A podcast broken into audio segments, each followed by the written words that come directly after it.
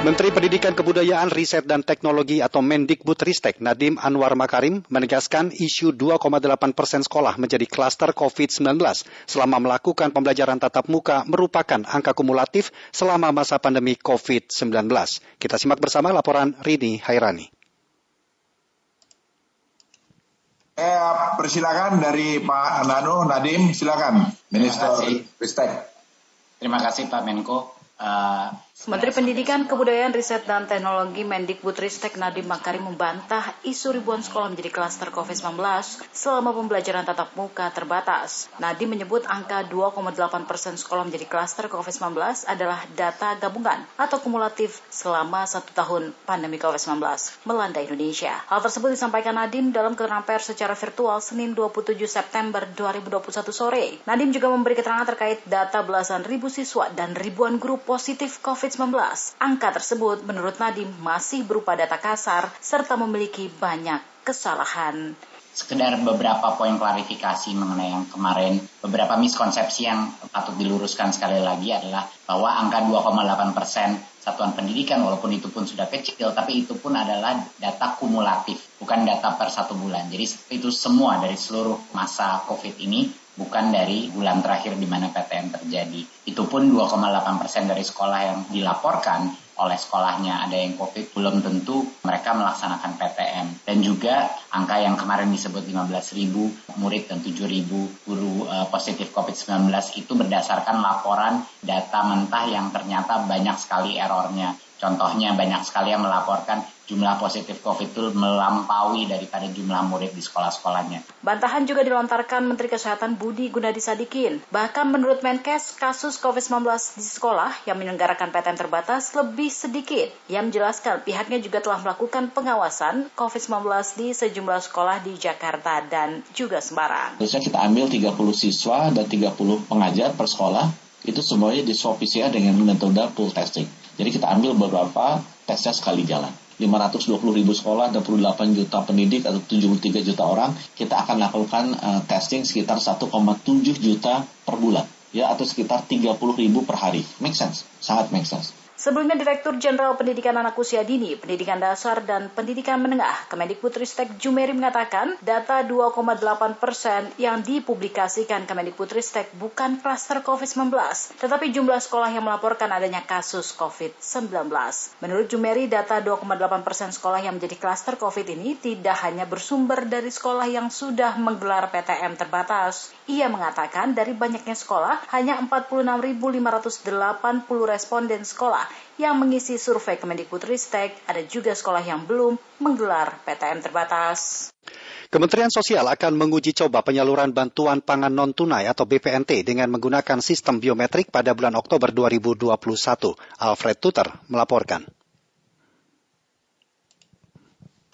Nanti insya Allah bulan, bulan ini Oktober.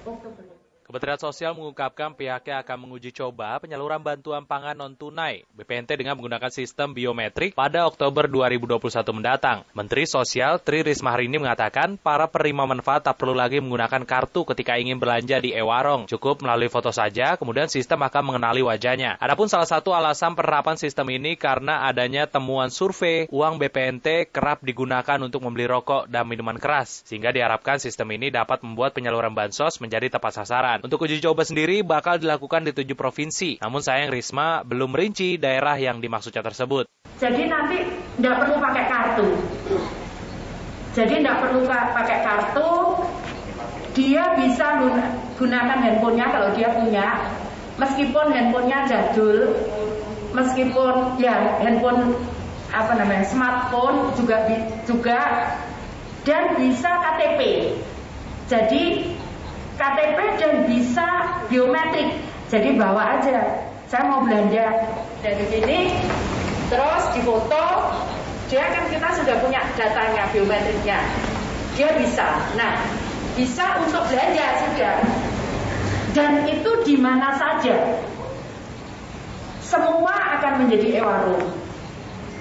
Tapi nanti tidak bisa keluar untuk beli rokok, dan tidak bisa keluar untuk beli minuman keras. Langkah Kemensos ini direspon beragam. Ada yang menyambut dengan baik, ada pula yang meminta agar penerapannya diawasi betul, sehingga kemudian tidak malah menjadi penghambat penyaluran bantuan sosial. Saya Rati, uh, warga Cakung Cilincing. Menurut saya sih sistem bansosnya bisa dipercepat penyalurannya, bukan hanya untuk diperlambat, apalagi lagi musim pandemi kayak gini ya. Saya Ridwan, warga Jakarta Selatan. Saya rasa ide biometrik ini baik sih. Tapi Kemensos yakin nggak sistemnya siap?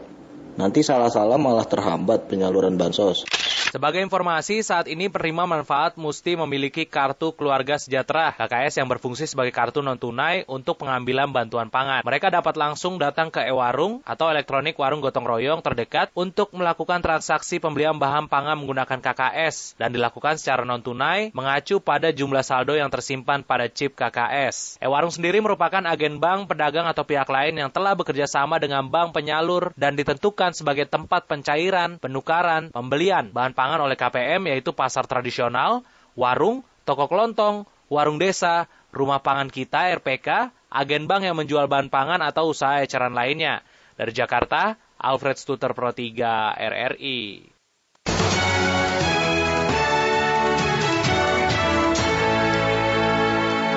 Tim penyidik Komisi Pemberantasan Korupsi atau KPK telah melakukan penggeledahan tiga lokasi di Kabupaten Probolinggo, Jawa Timur. Dari tiga lokasi tersebut, ditemukan dan diamankan bukti di antaranya berbagai dokumen yang terkait dengan perkara ini. Hairul Umam melaporkan selengkapnya.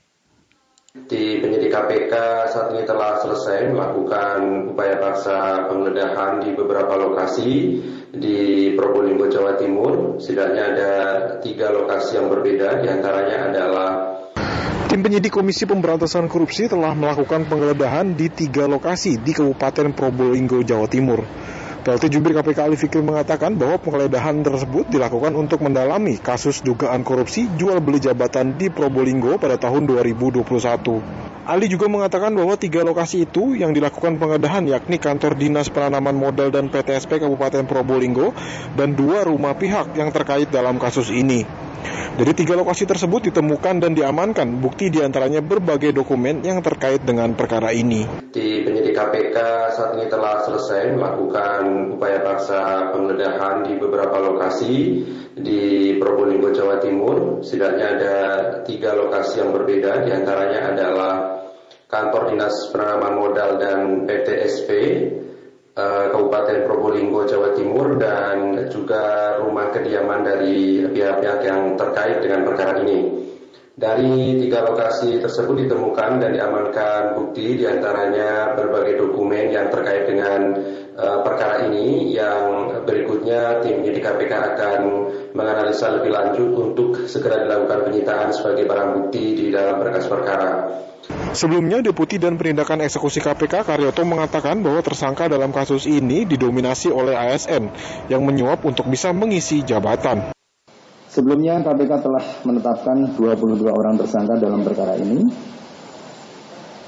sebagai pemberi yang rata-rata adalah ASN Kabupaten Probolinggo sebagai berikut 1 SO, 2 AW, 3 MW 4 MU, 5 MI, 6 MB, 7 MH, 8 AW, 9 KU, 10 AS, 11 CL, 12 UR, 13 NH, 14 NUH, 15 HS, 16 SR, 17 SO, dan 18 SD.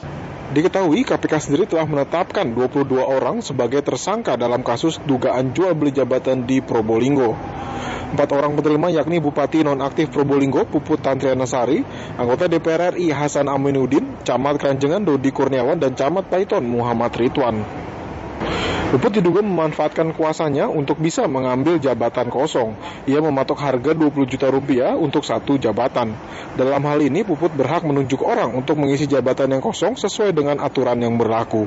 Dari Jakarta, Hairul Umam Pro 3 RRI melaporkan. Pendengar dalam rapat dengar pendapat, anggota Komisi 9 DPR RI, Neti Prasetyani, menyoroti masih adanya mafia obat dan alat kesehatan yang mempengaruhi ketersediaan obat dan alat kesehatan di pasaran. Sekjen Gakeslab, Randy, tengah menyusun struktur harga wajar obat dan alat kesehatan, dan untuk menekan mafia obat dan alkes. Selengkapnya, Rizky Supermana melaporkan yang hadir dari anggota baru 15 orang dari 50 orang, kita skor dulu dalam beberapa menit ya. Itulah suasana rapat dengar pendapat Komisi 9 DPR kemarin dengan Dirjen Farmasi dan Alkes serta sejumlah organisasi perusahaan farmasi dan Alkes membahas ketersediaan obat dan Alkes penanganan COVID-19. Anggota Komisi 9 DPR, Neti Prastiani menyoroti masih adanya mafia obat dan Alkes yang mempengaruhi ketersediaan obat dan Alkes di pasaran. Politisi dari fraksi PKS ini menyebut seperti harga alat tes COVID-19 yang sebelumnya sangat tinggi, khususnya PCR dapat ditekan harganya turun drastis saat ini. Pak Randy bilang kita punya kesiapan. Bagaimana cara kita untuk memberantas mafia obat dan alkes ini? Kita semua pasti meyakini pernyataan rasional kita kita ingin memberantas mafia. Tapi pada kenyataannya ya mafia itu masih ada. Kira-kira langkah konkret apa dari pemerintah untuk bisa memberantas mafia ini? Harga rapid antigen yang sangat beragam, ada swab PCR yang juga dari yang harganya selangit tiba-tiba kemudian bisa turun turun turun turun. Apakah memang alasannya alasan teknis semata atau ada alasan yang lain? Sementara itu Sekjen Perkumpulan Organisasi Perusahaan Alat-Alat Kesehatan dan Laboratorium Gakeslab, Randi menyatakan pihaknya terus memperjuangkan harga wajar obat dan alkes di tengah masuknya obat dan alkes impor. Kami untuk memperjuangkan yang disebut harga wajar dari alat kesehatan. Kami dari asosiasi sudah punya yang kita sebut struktur harga struktur harga kesehatan sesuai dengan peraturan yang ada. Sebaiknya kalau misalnya produk impor kita terbuka PIB-nya, invoice impornya berapa, harga akhirnya berapa, kita harus bisa bisa sama-sama sepakat. Anggota Komisi 9 Neti Prastiani menambahkan permasalahan lain juga diketahui 75% persen obat-obatan di puskesmas telah kadaluarsa di mana puskesmas menjadi sentra penanganan pandemi saat ini. Disebutkannya mafia obat mempengaruhi ketersediaan obat di puskesmas dari ruang sidang Komisi 9 DPR Ski Supermana Pro 3 RRI. Yang hadir dari anggota baru 15 orang dari 50 orang, kita skor dulu dalam beberapa menit ya. Pendengar pantauan di pasar tradisional Majestic Jakarta Selatan terkait penggunaan aplikasi Peduli Lindungi di pasar tradisional. Berikut kami akan hadirkan laporan Immanuel Christian. Christian. Ya, sebenarnya saya berada di pasar Majestic dari Jakarta Selatan, di mana kami melihat penggunaan aplikasi Peduli Lindungi di salah satu pasar tradisional yang berada di Jakarta Selatan ini. Di pasar ini kami melihat uh, dalam pantauan kami uh, maksud uh, banyak yang terpasang dan uh, banyak juga uh, banyak uh, pembeli yang ketika datang ke pasar Majestic ini uh, sempat mengalami penumpukan karena kan banyak yang belum uh, mengetahui kalau ada penggunaan aplikasi peduli lindungi di pasar Majestic sehingga banyak uh, mungkin masyarakat yang akhirnya baru saja mengeluarkan HP-nya kemudian baru saja menginstal aplikasi peduli lindungi sendiri dan masih sistem registrasi dan kemudian baru melakukan pemindaian QR code yang ada di depan pintu dari pasar Majestic.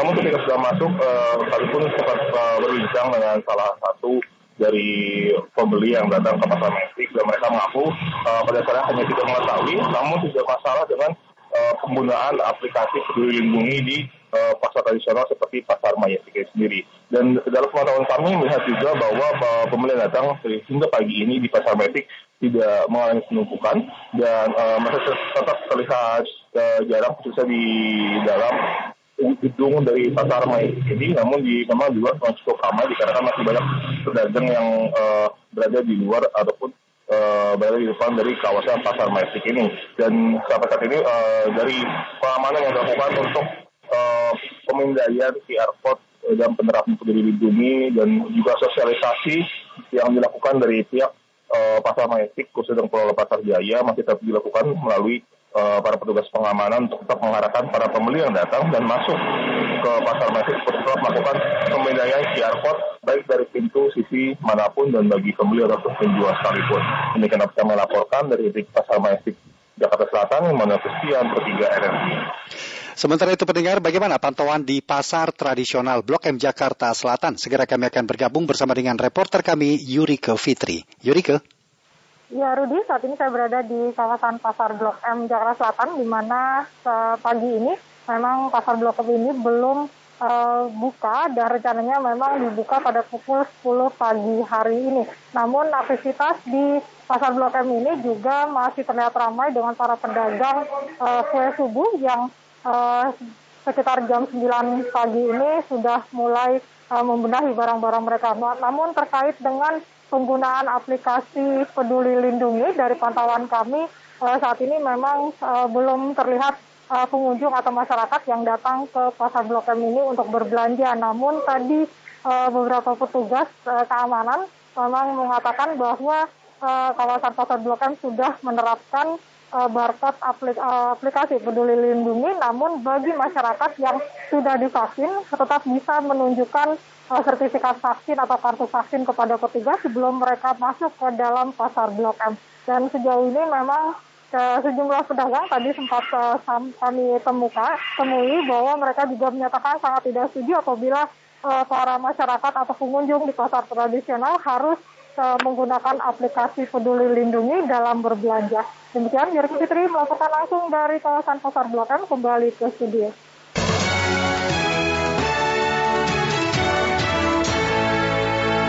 Terima kasih Anda masih menyimak Warta Berita Produksi Pusat Pemberitaan Pro 3 RRI.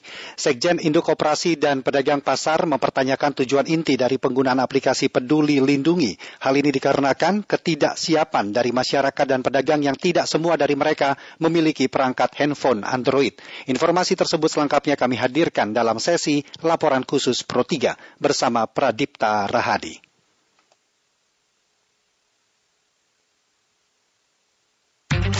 Laporan khusus. Laporan khusus. Laporan khusus. Jadi kalau uh, tahu bahwa kita ini, saya ini uh, yang tanggung jawab untuk pembukaan mall, untuk apa bikin SOP-nya sama-sama di Pemerintah berencana untuk menerapkan penggunaan aplikasi Peduli Lindungi untuk masuk ke pasar-pasar tradisional.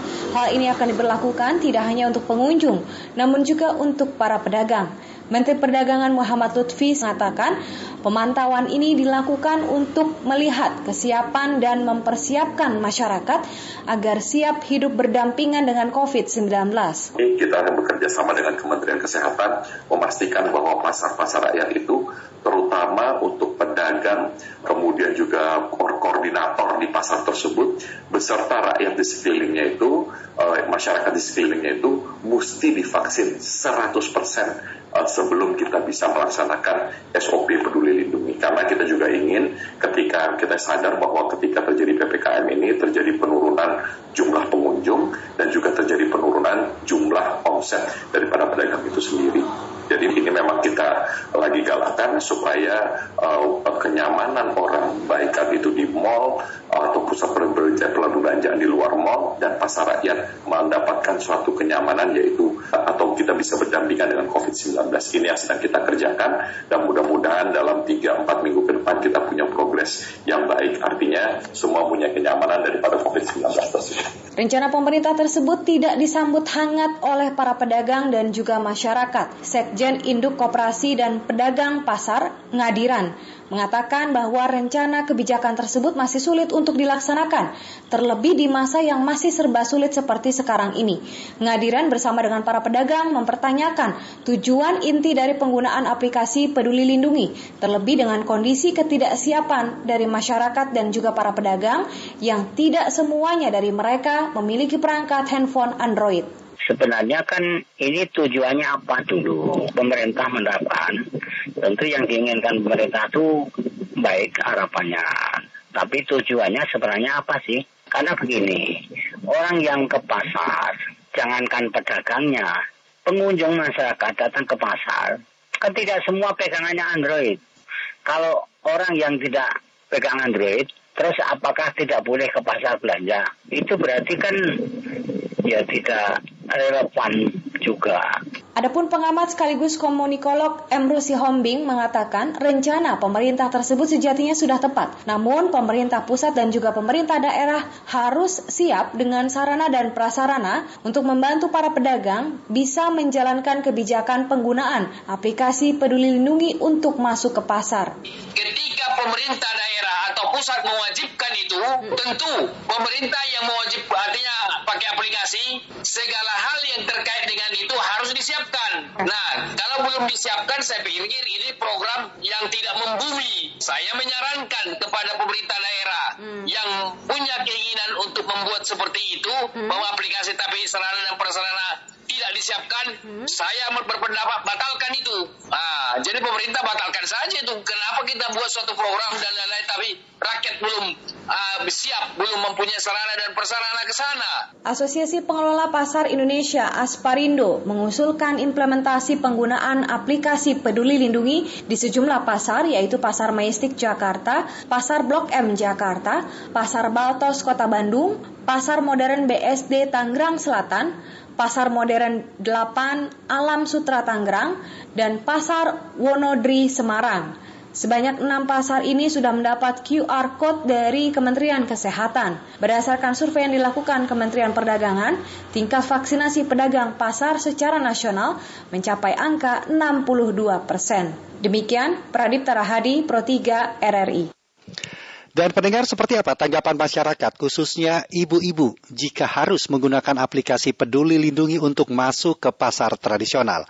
Berikut tanggapannya. Kalau ke pasar pasar tradisional hmm. kan masih pedagangnya juga kan belum tentu punya HP Android. Hmm. Mengerti nggak? Bisa nggak? Hmm. Kan belum tentu bisa. Hmm Sedangkan dia harus ke pasar, hmm. harus dagang. Hmm. Susah jadinya diterapkan kalau buat di pasar uh, tradisional ya. Hmm. Tapi kalau buat di mall, nah oke okay lah. Hmm. Ya untuk menjaga keamanan semuanya. Batasan guys harus divaksin. Ke, ke mall atau itu aja enggak nggak pakai itu bisa. Yang penting kalau itu sinyalnya nggak bagus kan buka ribet tinggal nunjukin aja SMS-nya langsung masuk aplikasinya nggak dipakai. Menurut saya penggunaan aplikasi peduli lindungi untuk masuk pasar sih ya boleh-boleh saja karena untuk mengetahui zona resiko COVID. Namun eh, setelah saya cek barusan aplikasinya sepertinya tidak e, berfungsi lagi. Nggak tahu ya apakah aplikasi saya yang tidak berfungsi atau memang sengaja dimatikan dari sananya. Namun apa pun itu penggunaan aplikasi Peduli Lindungi itu di mana saja baik itu menggunakan transportasi ataupun untuk masuk ke pasar dan mall ya menurut saya sih ya eh, bagus-bagus aja. Pendengar komentar pagi ini menyoroti aplikasi Peduli Lindungi yang akan diterapkan di pasar tradisional. Seperti apakah prosedur uh, prosedurnya dan kemudian bagaimanakah pedagang dan pembeli yang tidak memiliki telepon genggam? Lantas apakah adakah kriteria pasar yang menerapkan aplikasi Peduli Lindungi? Naskah ini disusun dan dibacakan oleh redaktur senior Agus Rusmin. Selamat pagi. Bagi masyarakat yang bepergian menggunakan moda transportasi, kereta api, kapal laut, maupun pesawat, pasti sudah akrab dengan aplikasi yang satu ini. Adalah Peduli Lindungi. Aplikasi Peduli Lindungi sudah terbukti manfaatnya.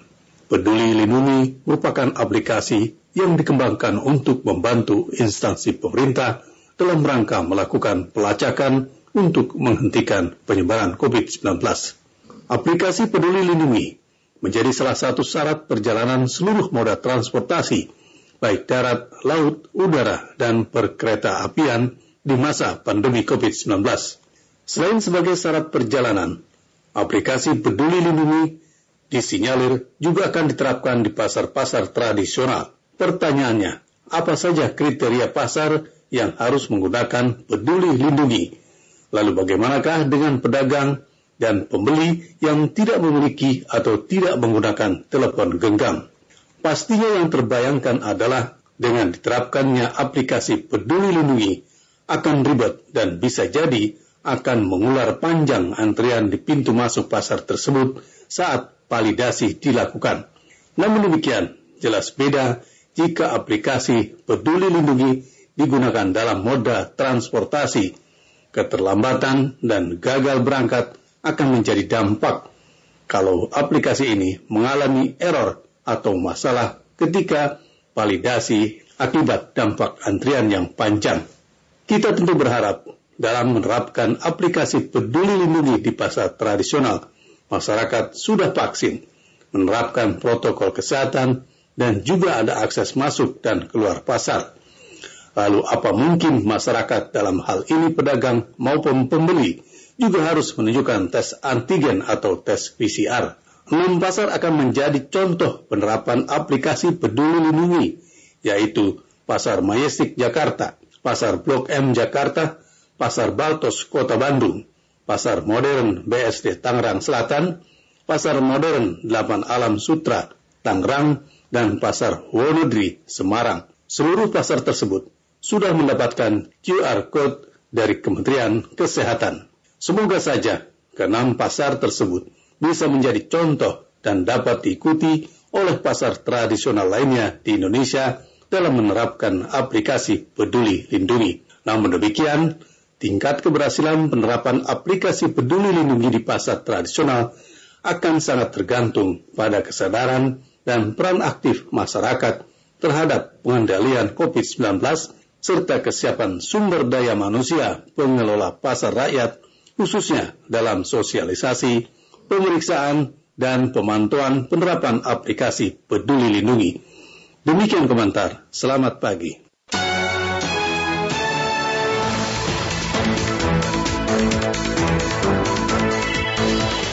Demikian warta berita pagi ini. Kami harap Anda tetap bersama kami untuk menyimak informasi-informasi aktual dalam program Indonesia Menyapa Pagi.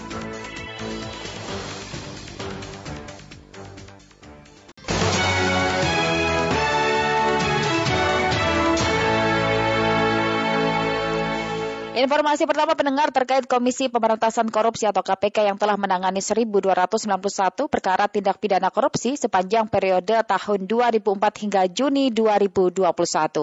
Dari angka tersebut terdapat 22 orang gubernur. Data itu diungkap oleh Wakil Ketua KPK Namawi Pomolango dalam kegiatan bimbingan teknis anti korupsi dengan KPU yang disiarkan secara virtual seperti yang diliput oleh reporter kami ada Koirul Umam berikut ini. Selanjutnya dengan mengucap Bismillahirrahmanirrahim, bimbingan teknis program anti korupsi secara resmi saya nyatakan dibuka. Komisi Pemilihan Umum Republik Indonesia bersama dengan Komisi Pemberantasan Korupsi telah menyelenggarakan bimbingan teknis program anti korupsi yang diselenggarakan pada hari ini. Menurut Ketua KPU RI Ilham Saputra, kegiatan ini bertujuan untuk menciptakan kesadaran akan pentingnya jiwa integritas dan bekerja secara profesional, serta memperkuat sendi-sendi tata kelola anggaran secara akuntabel, efisien, dan ekonomis. Selain itu, Ilham juga berharap melalui kegiatan ini terciptanya ekosistem yang lebih kondusif, juga tumbuh komitmen pribadi dan lembaga mencegah dan mendeteksi tindak pidana korupsi. Ini transparan. Selain tadi terkait dengan pengelolaan administrasi keuangan, juga kita akan transparan dalam berbagai hal, terutama terhadap data.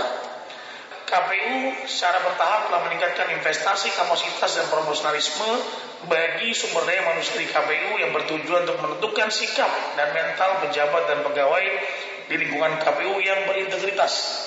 Tentu integritas ini nomor satu kita sebutkan lebih lanjut, Wakil Ketua KPK Nawawi Pomolango mengatakan bahwa hal ini guna mencegah terjadinya tindak pidana korupsi berupa suap menyuap yang sering terjadi dalam lingkup ini. KPK paling tidak telah memproses pelaku tindak pidana korupsi sebanyak 1291 perkara kasus yang di dalamnya terdapat ada oknum kepala daerah, gubernur sebanyak kurang lebih ada 22 orang. Bupati wali kota 133 ada oknum anggota DPR DPRD sebanyak 281 yang uh, sama kita ketahui bahwa pejabat-pejabat dimaksud itu melalui tahapan seleksi oleh penyelenggara pemilu. Modus terbanyak adalah penyuapan dan pengadaan barang dan jasa. KPU juga memiliki enam upaya untuk membentuk kualitas SDM yang berintegritas dan juga profesional, yaitu dengan mewajibkan seluruh pejabat di lingkup KPU untuk melaporkan LHKPN-nya secara periodik disampaikan kepada KPK melalui aplikasi LHKPN. Mewajibkan bagi seluruh ASN di lingkungan KPU untuk melaporkan harta kekayaannya melalui LHK ASN disampaikan kepada Kementerian PAN dan RB melalui aplikasi Siharka mengusulkan beberapa unit kerja untuk menjadi pilot project dalam pembangunan zona integritas menuju wilayah bebas korupsi dan wilayah birokrasi bersih dan melayani. Membentuk wadah pengaduan masyarakat melalui website resmi KPU yang digunakan untuk menampung aspirasi masyarakat apabila ditemukan adanya tindakan yang tidak berintegritas dan tidak profesional yang dilakukan oleh oknum-oknum yang mengatasnamakan KPU membuat peraturan terkait pembentukan unit pengendalian gratifikasi, mekanisme penanganan benturan kepentingan, dan penyelenggaraan SPIP di lingkungan KPU. Dan yang terakhir, mensosialisasikan kepada masyarakat melalui media sosial dan website KPU terkait penyelenggaraan pemilu yang berintegritas dan profesional. Dari Jakarta, Herul Umam Pro 3 RRI melaporkan. Beralih ke informasi lainnya, pendengar di mana rapat paripurna pengambilan suara persetujuan penggunaan hak interpelasi terkait Formula E resmi ditunda karena anggota yang hadir hanya 33 orang saja atau belum korum. Informasi selengkapnya bersama dengan Alfred Tutor. Tutor. Ya, Adela dan Bergana Pro 3 RRI di mana pun Anda berada saat ini, saya ada di DPRD DKI Jakarta. Beberapa saat yang lalu, rapat paripurna pengambilan suara persetujuan penggunaan hak interpelasi guna bertanya pada Gubernur Jakarta Anies Baswedan terkait Formula E berakhir. Tidak ada keputusan yang diambil terkait penggunaan hak tersebut sebab jumlah anggota DPRD yang hadir tidak memenuhi korum atau belum memenuhi syarat. Total tadi hanya 32 anggota DPRD saja yang hadir dari fraksi PDI Perjuangan dan PSI, sementara tujuh fraksi lainnya kompak tidak hadir. Tujuh fraksi ini Gerindra, PKS, Nasdem, Demokrat, Golkar, PAN, PKB, dan P3. Ketua DPRD DKI Jakarta, Prasetyo Edi Marsudi, menjelaskan setelah tidak ada putusan dalam rapat paripurna ini, maka pengambilan suara persetujuan penggunaan hak interpelasi guna bertanya pada Gubernur Jakarta Anies Baswedan terkait Formula E ditunda dan akan dijadwalkan kembali lewat Badan Musyawarah sehingga ia meminta agar semua pihak menunggu jadwal pelaksananya. Berikut keterangan lengkap dari Ketua DPRD DKI Jakarta Edi Prasetyo Marsudi dengan lagi nanti mudah-mudahan teman-teman yang masih belum belum mungkin sependapat bisa Memang tadi uh, seperti diketahui rapat berlangsung mulai pukul 11.30 waktu Indonesia Barat dan sempat ditunda dua kali untuk menunggu syarat korum terpenuhi. Karena tak kunjung korum tadi para anggota yang hadir diberikan kesempatan satu persatu untuk kemudian menyampaikan alasan penggunaan hak interpelasi guna bertanya pada Gubernur Jakarta Anies Baswedan terkait penyelenggaraan Formula E. Sampai akhirnya ditunda kembali karena jumlah anggota tak kunjung korum. Demikian dari DPRD DKI Jakarta, Alfred Suter Pro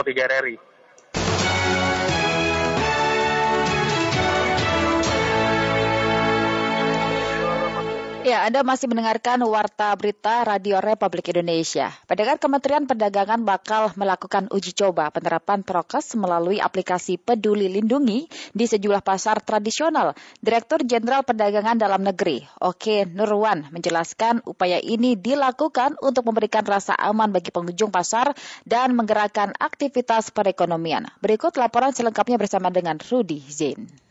Kementerian Perdagangan bakal melakukan uji coba penerapan protokol kesehatan melalui aplikasi Peduli Lindungi di sejumlah pasar tradisional. Direktur Jenderal Perdagangan Dalam Negeri, Oke Nurwan mengatakan, upaya ini dilakukan untuk memberikan rasa aman bagi pengunjung pasar dan menggerakkan aktivitas perekonomian masyarakat.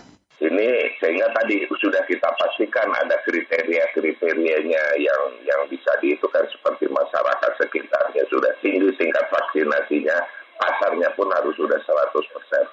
Karena ada ada juga yang masih pasar-pasar lain seperti ada yang uh, masih uh, pedagangnya karena uh, masih belum mau atau masyarakat atau tingkat vaksinasinya di masyarakat sekitar yang belum. Sementara itu Ikatan Pedagang Pasar Indonesia atau IKAPI telah menyampaikan peduli lindungi tidak bisa diimplementasikan di pasar dalam waktu dekat ini. Ketua IKAPI Abdullah Mansuri mengatakan banyak faktor yang harus bisa diperbaiki terlebih dahulu dan berharap dalam penerapannya tidak saklek untuk menghindari gesekan yang terjadi. Eh, kami tidak pesimis, kami sangat mungkin kami mendorong ini dilakukan, tetapi tidak boleh sakit, tidak boleh, uh, oh kamu nggak berdapat pelindungi begini, kamu jangan dagang, ini memicu konflik. Sosialisasi dilakukan, edukasi diberikan, dan perangkatnya juga disiapkan. Adapun uji coba akan dilakukan di enam pasar tradisional, yaitu Pasar Majestic Jakarta, Pasar Blok M Jakarta, Pasar Baltos Bandung, Pasar Modern BSD Tangerang, Pasar Modern Delapan Alam Sutra, dan Pasar Wonodri di Semarang. Enam pasar rakyat ini telah mendapatkan QR Code dari Kementerian Kesehatan. Rudi Zain, Pro 3, RRI. Pedagang sayur di Pasar Modern Alam Sutra Kota Tangerang Selatan mengeluhkan kebijakan penggunaan aplikasi Peduli Lindungi diterapkan di pasar. Apa yang menjadi keberatan pedagang pendengar? Berikut kami hadirkan informasi bersama dengan Saada Tudarain berikut ini. Pedagang-pedagang di sini kan juga kayak saya gitu, untuk handphone juga nggak nggak punya handphone handphone canggih, jadi agak sulit aja gitu untuk eh, aplikasi. Pendengar, penerapan aplikasi peduli lindungi di setiap pasar dirasa kurang tepat dan kondisinya dinyatakan belum siap. Alhasil, implementasinya masih menuai kontroversi dan keluhan dari para pedagang di pasar tersebut. Walaupun tujuannya agar memberikan rasa aman dan nyaman bagi pengunjung maupun para pedagang di pasar dari paparan COVID-19. Terlebih lagi, pemerintah belum melakukan edukasi terhadap komunitas pasar sendiri, khususnya para pedagang. Pemerintah harus mempertimbangkan pengunjung dan pedagang yang tidak memiliki handphone berbasis Android atau tidak bisa memakainya karena pengunjung pasar lebih beragam dibandingkan mall atau pusat perbelanjaan yang memang telah terlebih dahulu menerapkan hal tersebut. Pengamat kebijakan publik Trubus Rahadiansah menilai penerapan aplikasi peduli lindungi di pasar kurang tepat. Solusinya pemerintah sebaiknya cukup meminta masyarakat yang berkunjung ke pasar menunjukkan kartu vaksin COVID-19 dan melakukan edukasi terlebih dahulu. Jadi masyarakat terus edukasi bahwa e, pentingnya aplikasi itu, kemudian bagi mereka yang tidak bisa menggunakan solusinya gitu. Diamini Nur Hasanah, salah satu pedagang sayur mayur di Pasar Modern 8 Alam Sutra. Dia pun mengeluhkan dengan kebijakan pasar menggunakan aplikasi peduli lindungi karena menurutnya hal tersebut merepotkan dan menambah biaya pengeluaran seperti membeli kuota dan harus menginstal aplikasi yang dirinya belum mengerti penggunaannya. Terlalu ribet ya kalau menurut saya sih karena kan uh, apa karena saya ini kan udah nggak nggak muda gitu jadi untuk teknologi juga kurang begitu paham. Iya, tapi kan eh, pedagang-pedagang di sini kan juga kayak saya gitu. Untuk handphone juga nggak nggak punya handphone handphone canggih, jadi agak sulit aja gitu untuk uh, apa eh, aplikasinya seperti itu. Diketahui pasar modern 8 Alam Sutra ini salah satu pasar yang terpilih bersama lima pasar lainnya di Indonesia untuk dijadikan uji coba dalam penggunaan aplikasi peduli lindungi. Saat ini pasar yang berada di Jalan Alam Sutra, Kelurahan Pakulonan, Kecamatan Serpong Utara, Kota Tangerang Selatan ini tengah melakukan tahap sosialisasi terkait hal tersebut. Sementara pasar yang diuji coba aplikasi peduli lindungi lainnya yakni Pasar Majestic di Jakarta, Pasar Blok M di Jakarta, Pasar Baltos di Kota Bandung, Pasar Modern BS di BSD City Kota Tangerang Selatan dan Pasar Wonodri Kota Semarang. Demikian, saya Datu Darain, Pro 3 RRI. Menteri Kesehatan Budi Gunadi Sadikin menjelaskan pembelajaran tatap muka atau PTM pendengar harus dilakukan kendati masih pandemi COVID-19. Namun Menkes akan menutup sekolah selama 14 hari jika positif COVID-19 di atas 5 persen. Sementara itu untuk sekolah lain yang telah menerapkan protokol kesehatan, bagus tetap menggelar PTM. Tapi kalau positivity rate-nya atas 1 sampai 5, kita rombongan belajarnya ini istilahnya Pak Nadim, semuanya kita tes. Ya, sekolahnya tetap berjalan. Ya, semua yang dites ini kita karantina agar tidak menularkan.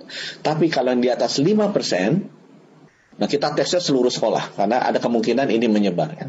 Nah sekolahnya kita kita rubah dulu menjadi online dulu, menjadi daring dulu selama 14 hari. Sambil kita rapihin, kita bersihkan, ya protokol kesehatannya mungkin diperbaiki, direview kembali oleh timnya Pak Nadim dan Dinkes Kesehatan. Kemudian di 14 bulan, eh, 14 hari kemudian kita masukkan lagi. Jadi dengan demikian kita memastikan bahwa surveillance itu dilakukan di level yang paling kecil. Kalau toh pun ada kemungkinan itu outbreak meledak di sana, ya kita kuncinya satu sekolah aja.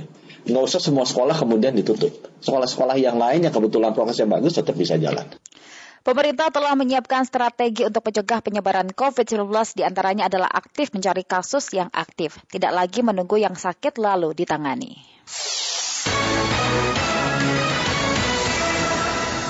Beralih ke informasi dari dunia olahraga terkait lanjutan babak penyisian sepak bola PON 20 Papua mempertemukan tim sepak bola Nusa Tenggara Timur kontra dengan Maluku. Kami akan pantau laga tersebut pendengar bersama dengan reporter kami dari RRI Jayapura ada Reski Kurniawan. Reski, Ya, pendengar di pun berada, beberapa saat yang lalu pertandingan lanjutan babak penyisihan grup sepak bola PON 20 Papua antara tim Nusa Tenggara Timur dengan Maluku Utara telah dimulai dan hingga saat ini skor sudah 0-1 untuk tim dari Maluku Utara. Tempatan kami jumlah penonton yang datang ke Stadion Mandala untuk menyaksikan pertandingan uh, sepak bola ya, dan Maluku Utara ini tidak begitu banyak. Padahal sudah pukul 14 lewat 15 menit waktu Indonesia Timur eh, sejumlah penonton sudah mulai berdatangan ke stadion Mandala. Tapi sampai saat ini terlihat masih banyak kursi penonton yang kosong. Berbeda dengan hari sebelumnya saat laga tuan rumah Papua kontra juara bertahan Jawa Barat yang dipadati penonton bahkan nyaris menembus jumlah kapasitas penonton yang telah ditentukan yaitu 25 persen dari total kapasitas stadion di Mandala Jepang. Meski begitu, penonton yang hadir terlihat sangat antusias dan semangat memberikan dukungan bagi tim yang bertanding. Bahkan ada pula eh, penonton yang membawa, eh, membawa spanduk berisi kalimat-kalimat dukungan bagi kedua tim. Karena ini masih di tengah pandemi COVID-19, tentunya setiap penonton juga harus tetap menerapkan protokol kesehatan, yakni menggunakan masker. Dan kami juga pantau tadi para penonton ini eh, sangat baik atau disiplin dalam penerapan protokol kesehatan. Bahkan untuk menjamin proses tetap terjaga selama pertandingan di Stadion Mandala Jepara ini ataupun di seni pertandingan lainnya, ada tim Satgas Prokes yang juga dikerahkan untuk melakukan pengawasan sekaligus memberikan edukasi dan juga masker gratis kepada para penonton di pintu-pintu masuk Stadion Mandala Jepara ini. Demikian dari Jepara, Reski Kurniawan, Pro 3 RRI. Ya, adapun terkait jalannya pertandingan sepak bola PON ke-20 Papua antara tim sepak bola Aceh kontra dengan Sulawesi Utara, pendengar akan dipandu oleh rekan saya Widoyo berikut ini. Bung Widoyo, selamat siang. Iya. Salam olahraga saudara pendengar di mana pun berada. Pertandingan cabang olahraga sepak bola PON 2021 antara kesebelasan Sulawesi Utara menghadapi tim Aceh dalam laga perdana di grup C ini masih berlangsung. Serangan-serangan silih berganti terus dilakukan kedua tim dan hingga masuki menit ke 18 di babak pertama ini tim sepak bola Aceh harus sementara mengakui keunggulan Sulawesi Utara 0-1.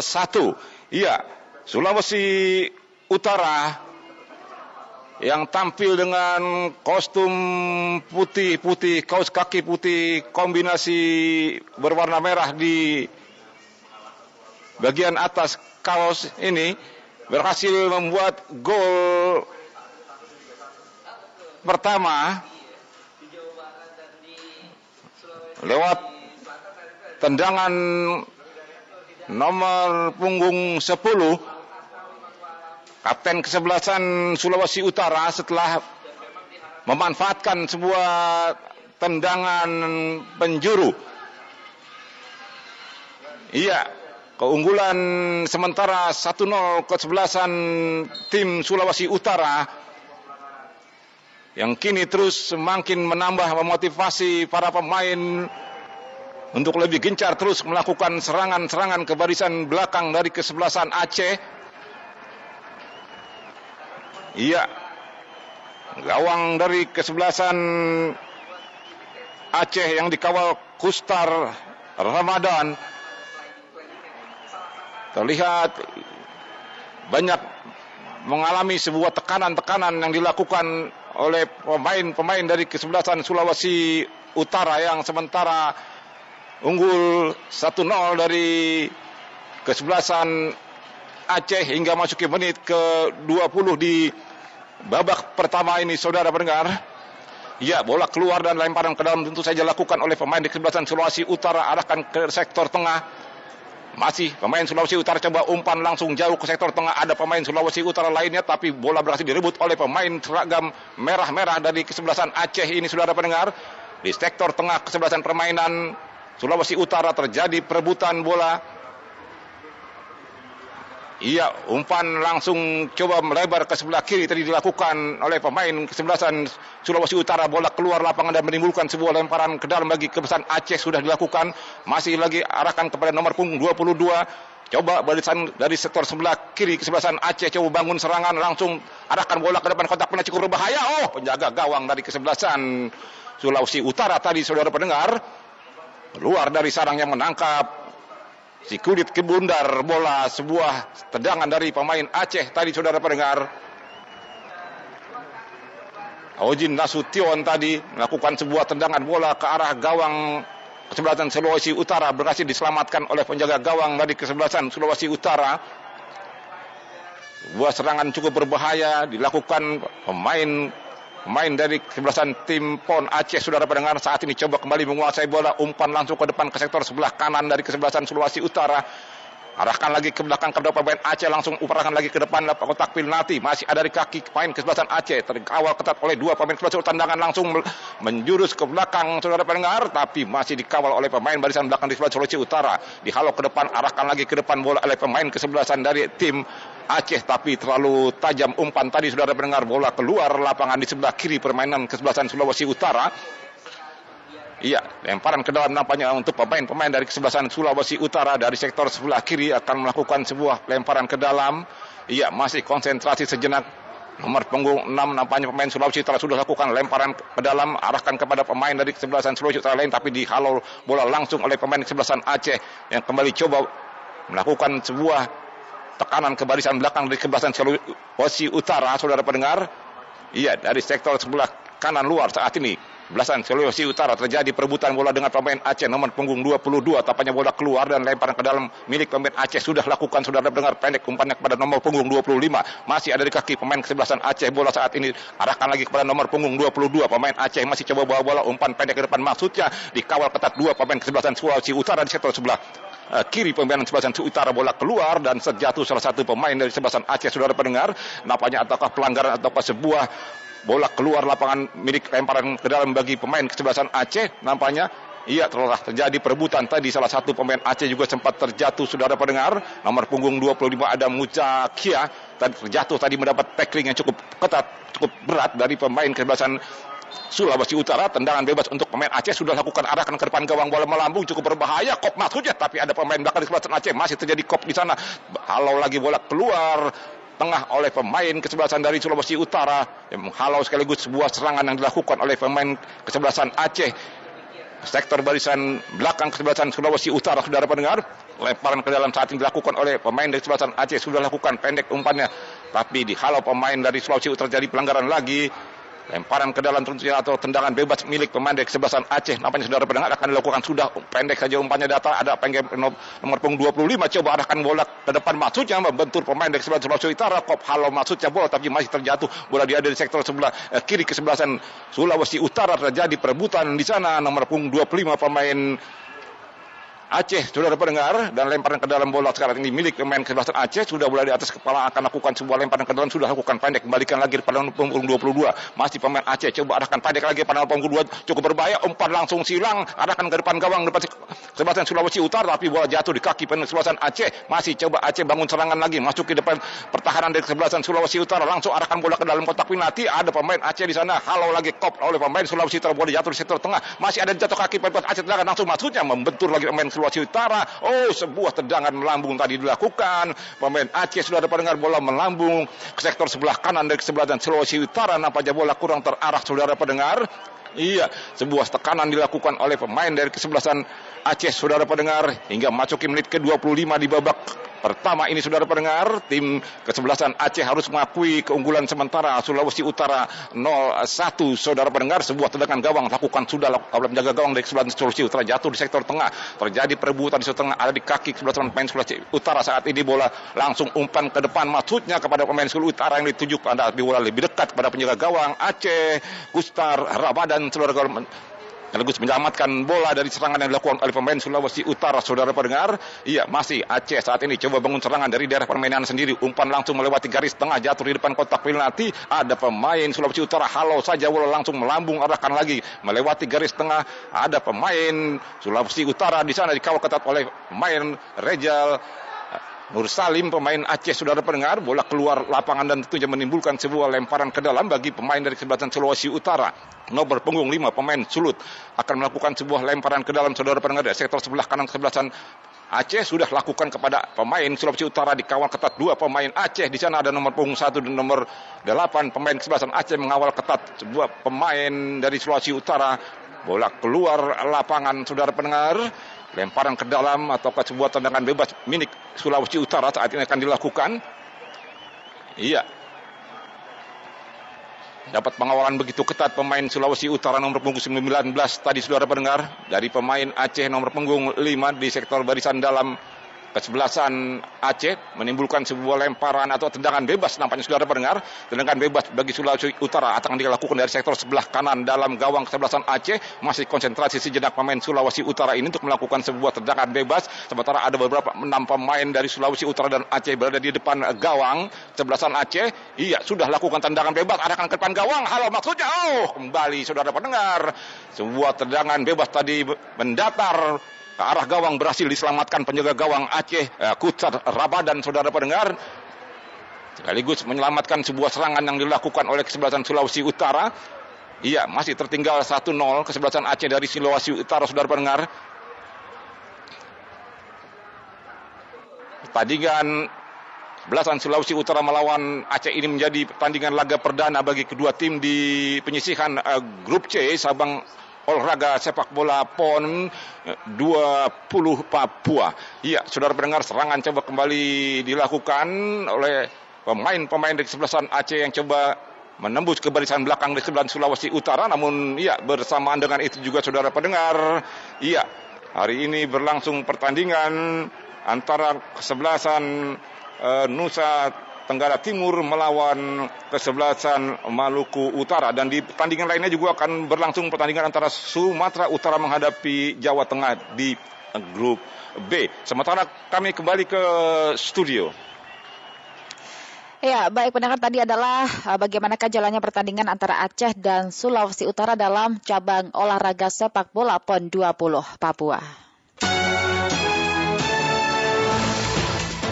Selepas ini kami akan menghadirkan kembali program Indonesia Menyapa Siang. Tetaplah bersama kami. Saya Andela Kusuma.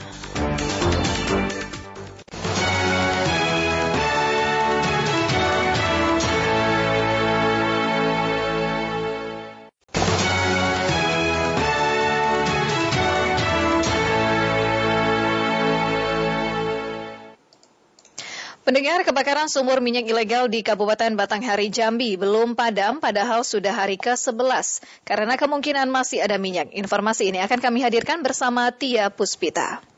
Kapolres Batanghari mengatakan sumber api masih keluar dari lubang sumur minyak ilegal yang ada tekanan gas.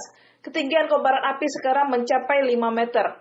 Posisi lubang sumur minyak ilegal yang terbakar berada di lereng tebing bukit. Di bawah sumur ada lembah. Polres Batanghari terus berupaya melakukan melokalisir supaya api tidak membakar tanaman sekitar. Kapolres Batanghari AKBP Heru Ekuanto mengatakan, Pertamina direncanakan akan melakukan pengecekan terhadap kandungan minyak yang berada di dalam bumi. Sehingga hari ini pihaknya masih bekerja sama BPBD Provinsi Jambi melakukan persiapan untuk memastikan keamanan saat dilakukan pengecekan. Polres Batanghari telah menetapkan tiga orang tersangka pelaku terbakarnya sumur ilegal, di antaranya merupakan oknum polisi, pekerja sumur ilegal yang mengalami luka bakar sebanyak 80% dan pemodal. Saat ini Polres Batanghari masih melakukan pengembangan terhadap tersangka lainnya. Masih, jadi ini kan karena kaitan dengan masalah kandungan minyak yang di bawah bumi ini, kita nggak tahu, ini perlu dilakukan pengukuran dulu oleh ahli di Pertamina. Nah Pertamina mau lihat itu perlu keamanan dulu karena mau mendekati api. Nah sekarang ini keamanan. Manggala Agni BPBD sedang menyiapkan peralatan, menyiapkan perangkat infrastruktur yang sekitar situ, termasuk helipad atau drone yang bisa nanti mengangkat peralatan untuk digunakan simulasi dan mitigasi pemadaman ini. Sementara itu, Bupati Batanghari Muhammad Fadil Arif mengatakan pemerintah Kabupaten Batanghari sedang membuat jalan menuju lokasi terbakar. Hal itu merupakan salah satu faktor yang membuat sulitnya pemadaman api di lokasi kejadian.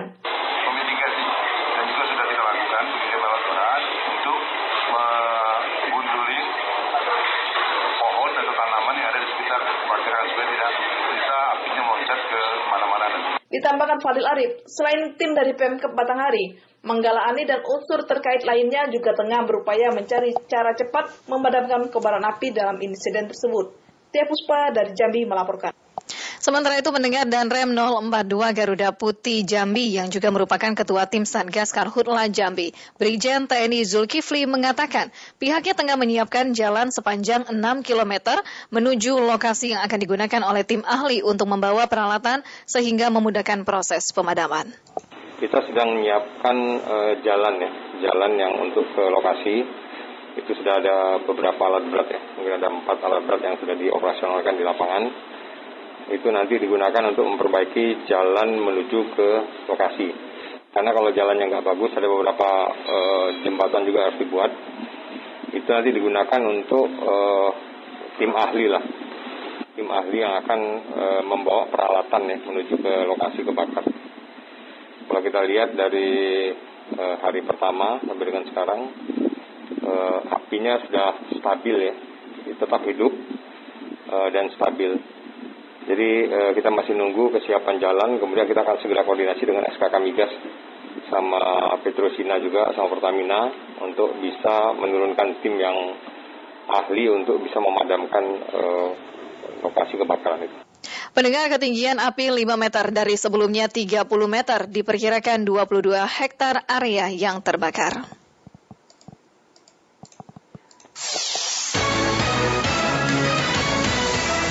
Partai Solidaritas Indonesia atau PSI akan menyiapkan sesi khusus untuk memberikan keterangan resmi terkait pemecatan anggota DPRD DKI Jakarta fraksi PSI Viani Limardi. Kendati demikian, Ketua fraksi PSI Idris Ahmad menegaskan fraksinya tengah fokus terkait polemik ajang balapan Formula E. Alfred Sutar melaporkan selengkapnya.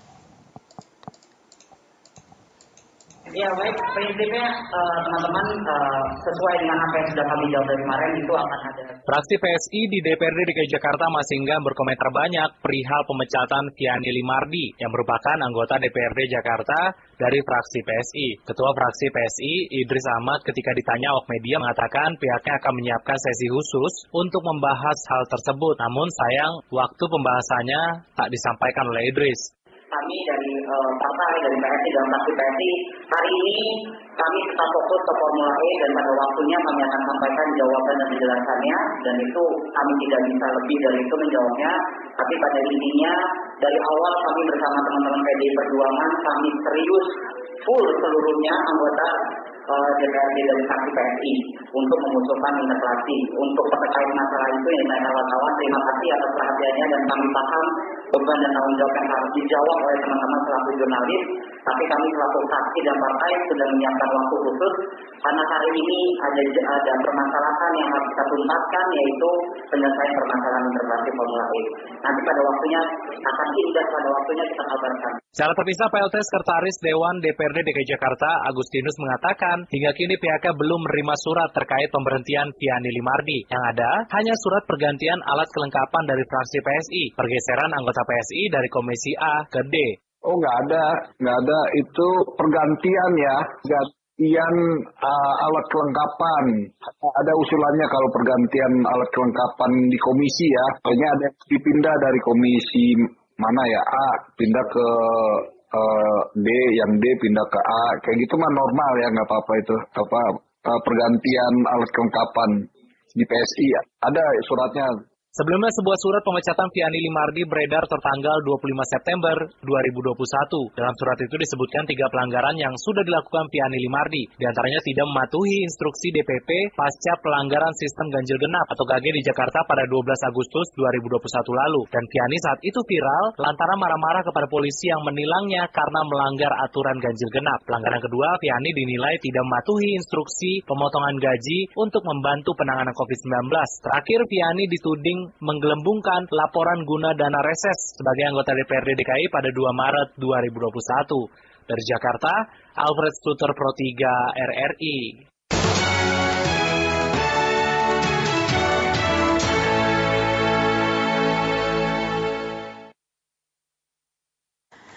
Menteri Pendidikan, Kebudayaan, Riset, dan Teknologi Nadiem Makarim mengaku geram dengan daerah yang masih melakukan pembelajaran jarak jauh dengan alasan pandemi COVID-19 padahal tidak memiliki fasilitas belajar online. Rini Hairani melaporkan informasi selengkapnya. Silakan waktunya saya persilahkan kepada Mas Menteri. Menteri Pendidikan, Kebudayaan, Riset, dan Teknologi Mendikbudristek Nadiem Anwar Makarim mengaku kerap kesal dengan daerah yang tetap memperbolehkan sekolah melakukan pembelajaran jarak jauh atau PJJ meski tak ada gawai maupun akses internet. Nadiem menganggap hal tersebut sama saja dengan tidak ada kegiatan pembelajaran. Hal itu disampaikan Nadiem dalam webinar bertajuk Bangkit Bareng Senin 28 September 2021. Menurut Nadiem, daerah-daerah dengan kondisi tersebut seharusnya ya mencari solusi untuk sekolah menggelar pembelajaran tatap muka sejak awal. Nadibu mengatakan saat ini jumlah sekolah yang sudah memulai PTM terbatas di wilayah PPKM level 1, 2, dan 3 masih kecil, yakni hanya sekitar 40 persen.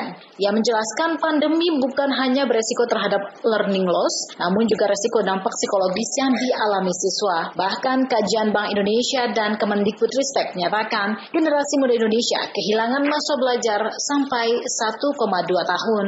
Pada saat ini saya udah hampir 8 bulan uh, terus uh, banting-banting meja, terus uh, pergi ke berbagai macam daerah untuk segera uh, melaksanakan uh, PTM. Ya, segera segera melaksanakan tatap muka terbatas.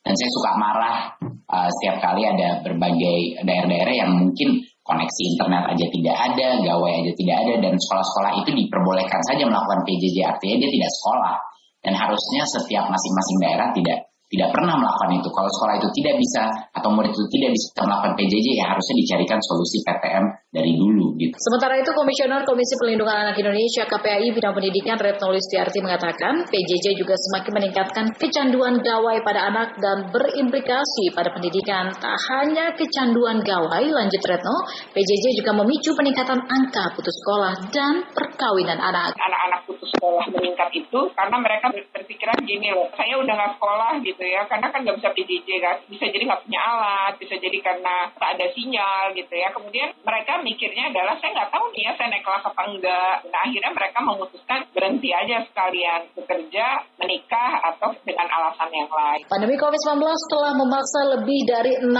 juta anak di Indonesia melakukan pembelajaran jarak jauh sejak Maret 2020 studi Global Save the Children pada Juli 2020 yang dilakukan di 46 negara khususnya Indonesia menemukan fakta bahwa 7 dari 10 anak mengatakan jarang belajar atau hanya sedikit belajar selama pandemi COVID-19 ini. Hal tersebut disebabkan oleh beberapa hal seperti terbatasnya ketersediaan materi belajar yang memadai, terbatasnya atau tidak memiliki kuota internet, tidak memiliki gawai, bahkan demotivasi karena sulit memahami pekerjaan rumah dan tidak mendapatkan bimbingan guru.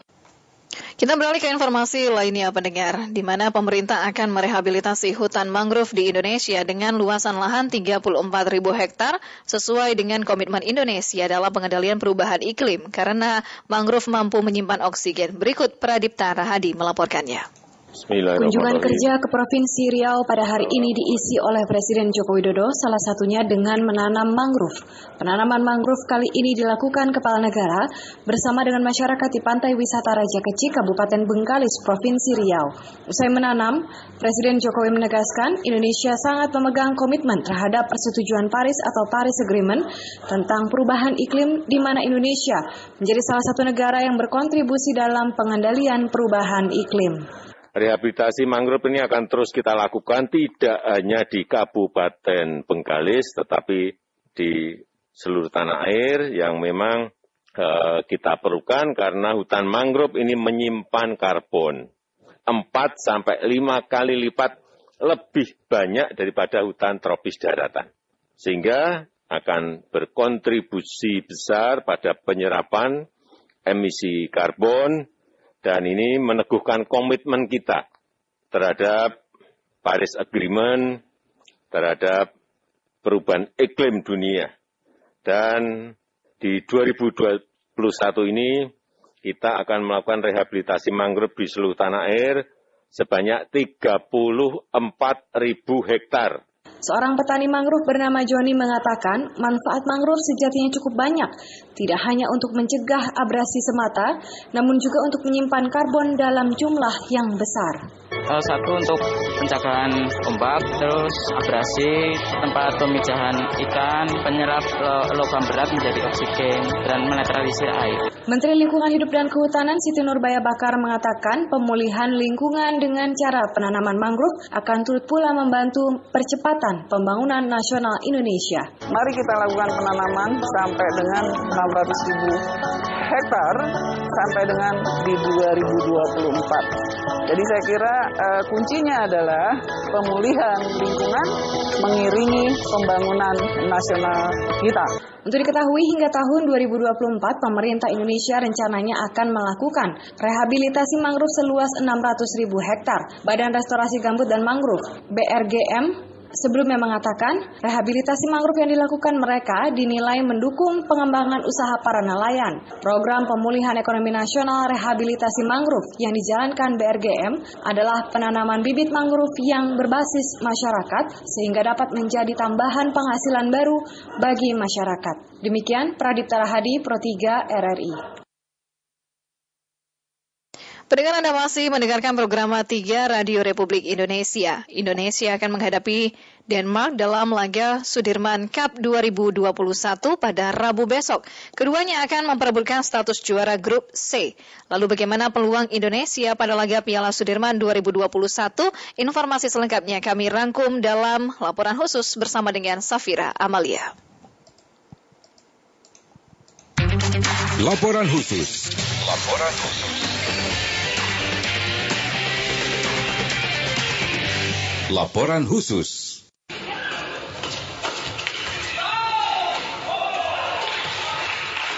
Indonesia akan menghadapi Denmark dalam laga penentuan status juara Grup C Piala Sudirman 2021 pada Rabu 29 September 2021 besok. Indonesia dan Denmark sama-sama sudah memastikan diri lolos ke perempat final. Namun bukan berarti duel antara kedua negara akan berlangsung hambar. Indonesia sempat kesulitan melawan Kanada, sedangkan Denmark juga sempat kecolongan oleh Rusia. Pada laga pertemuan nanti kedua negara akan memperebutkan status juara grup yang akan lebih menguntungkan bagi kedua tim demi undian yang lebih baik di perempat final. Dalam wawancara bersama Pro 3 RRI, Ketua Bidang Humas dan Media PBSI Proto Happy mengatakan Denmark bukanlah tim yang dapat dianggap enteng, sehingga dukungan dari seluruh masyarakat dibutuhkan untuk mendoakan para pemain agar dapat memenangkan juara grup. Ya memang pemain muda sebenarnya dimasukkan dalam tim ya, hmm. tapi memang mereka diharapkan bisa mendapat ilmu, pengalaman, dan kemudian juga proses regenerasi juga bisa berjalan mulus. Tapi tentu kalau di sebuah pertandingan yang membutuhkan sebuah kemenangan, apalagi ini ajang besar, ajang penting, tentu tim PBSI akan menurunkan kekuatan penuhnya lah untuk bisa memenangi setiap pertandingan dan mengantarkan Indonesia bisa menjadi juara grup C dulu ya. Pada perebutan Piala Sudirman Cup 2021, Indonesia menurunkan 20 pemain, di mana 4 di antaranya merupakan pemain muda. Pada nomor tunggal putri, ada Putri Kusuma Wardani dan Esther Nurumitri Wardoyo. Kemudian Rina Frivaldi dan Pita Haning Tias Mentari pada ganda campuran. Proto Happy mengatakan ajang besar ini tentu akan menjadikan pengalaman baru dan regenerasi dari pemain Indonesia. Ya saya kira kalau di atas kertas dari melihat apa namanya ranking pemain, hmm. prestasi masing-masing pemain yang dimiliki oleh masing-masing negara, tentu Denmark yang akan menjadi apa ya pesaing ya. beratnya ya. Ya untuk dihadapi Indonesia uh, peta kekuatan di grup C ini memang Denmark yang lebih berat dibanding dengan Rusia dan Kanada. Sebelum menghadapi Denmark, tim Indonesia memenangkan laga atas Kanada dengan poin 3-2. Salah satu poin disumbangkan dari pasangan ganda putri Gracia Poli, Apriani Rahayu. Kami berusaha uh, maksimalkan ya, maksudnya terus permainan, terus kami fokus per poin demi poin. Kami juga um, apa namanya masih apa kayak nyari-nyari lah. Karena kan baru pertama main bolanya kondisi lapangannya seperti apa. Dan alhamdulillah hari ini kami bisa kasih poin untuk Indonesia. Nggak mikirin apa-apa sih cuman memang uh, sedikit uh, maksudnya aduh ya ada ada ada pastilah nggak mungkin kerasa pasti akan ada kayak gitu. Tapi coba dilampiaskan di lapangan gitu pengen lebih motivasi untuk gimana caranya uh, dapat satu poin buat Indonesia. Itu aja sih jadi nggak mikir macem-macem juga di lapangan gitu aja sih. Sebagai informasi, Piala Sudirman merupakan kejuaraan bulu tangkis internasional dua tahunan. Untuk nomor beregu campuran, mempertandingkan nomor tunggal putra, tunggal putri, ganda putra, ganda putri, dan ganda campuran. Kejuaraan ini pertama kali dicetuskan oleh Indonesia pada tahun 1986.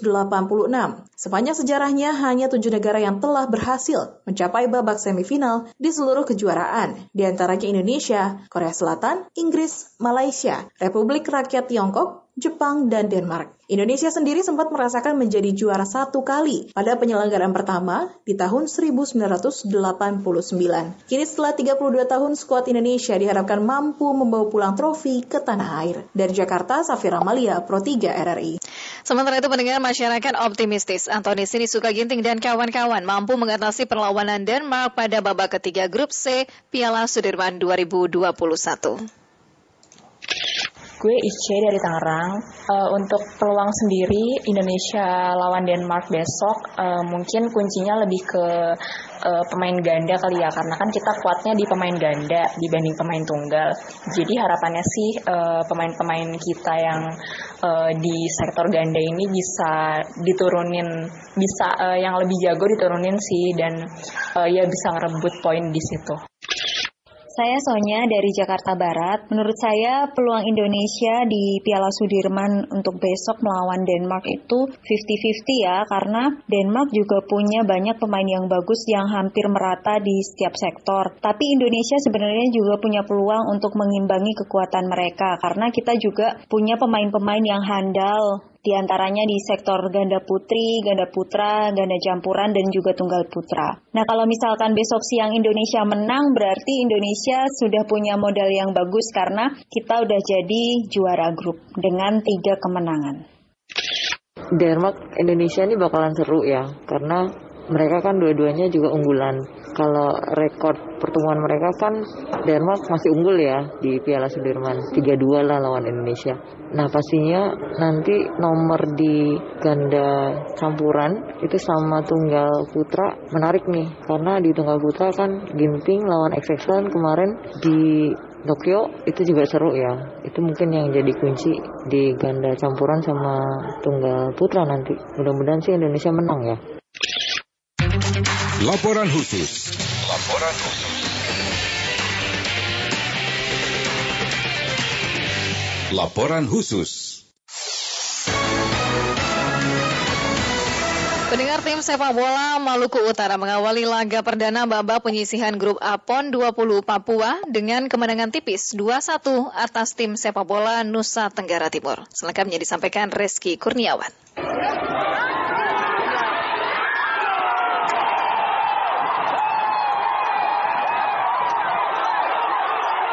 Tim sepak bola Maluku Utara berhasil meraih poin penuh usai mengalahkan tim sepak bola Nusa Tenggara Timur dengan skor 2-1 dalam babak penyisihan grup sepak bola Pekan Olahraga Nasional PON 20 Papua di Stadion Mandala Jayapura Selasa sore.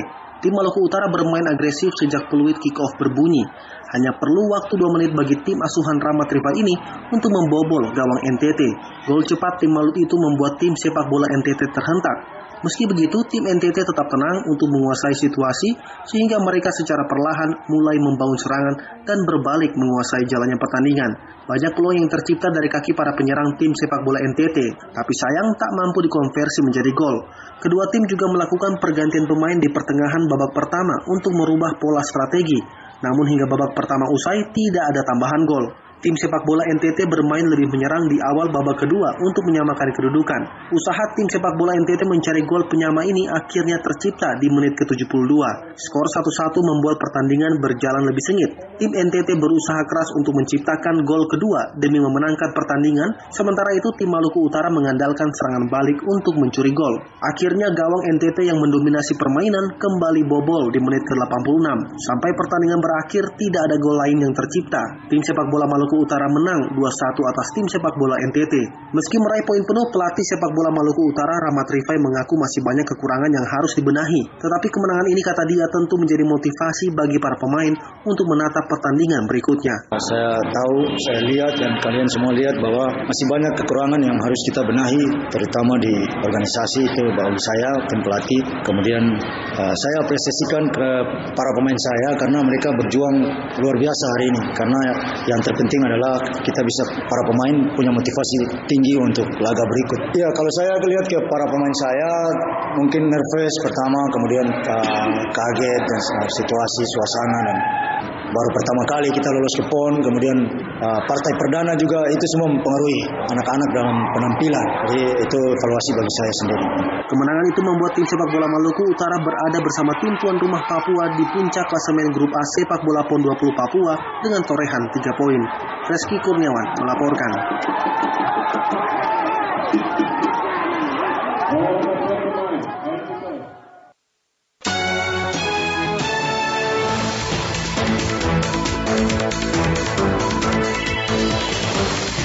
Pendengar tetaplah bersama kami. Setelah ini kami masih akan hadirkan sejumlah informasi aktual lainnya dalam Indonesia Menyapa Petang.